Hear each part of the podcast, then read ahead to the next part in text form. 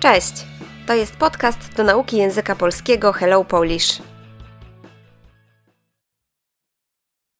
Umawianie się do kawiarni.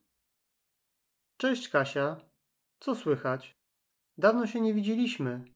Cześć Robert, ale niespodzianka. U mnie wszystko w porządku. A co u ciebie? Po staremu. Słyszałem, że zmieniłaś pracę i przeprowadziłaś się do nowego mieszkania. Tak, ostatnio dużo się działo w moim życiu. To długa historia. Chętnie posłucham. Może masz teraz czas na kawę? Ja zapraszam. Dzięki, ale teraz nie mogę. Śpieszę się. Może jutro? Na przykład o drugiej? Jutro o drugiej jestem już umówiony. Będę wolny po czwartej. Co ty na to? Pasuje mi. Dobra.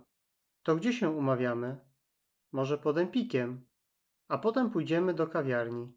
Super. W takim razie widzimy się jutro pod Empikiem o czwartej. A teraz muszę lecieć. Pa! Na razie, do jutra. Słownictwo po staremu. kiedy nic się nie zmienia, kiedy w naszym życiu nie ma nic nowego. Jestem już umówiony.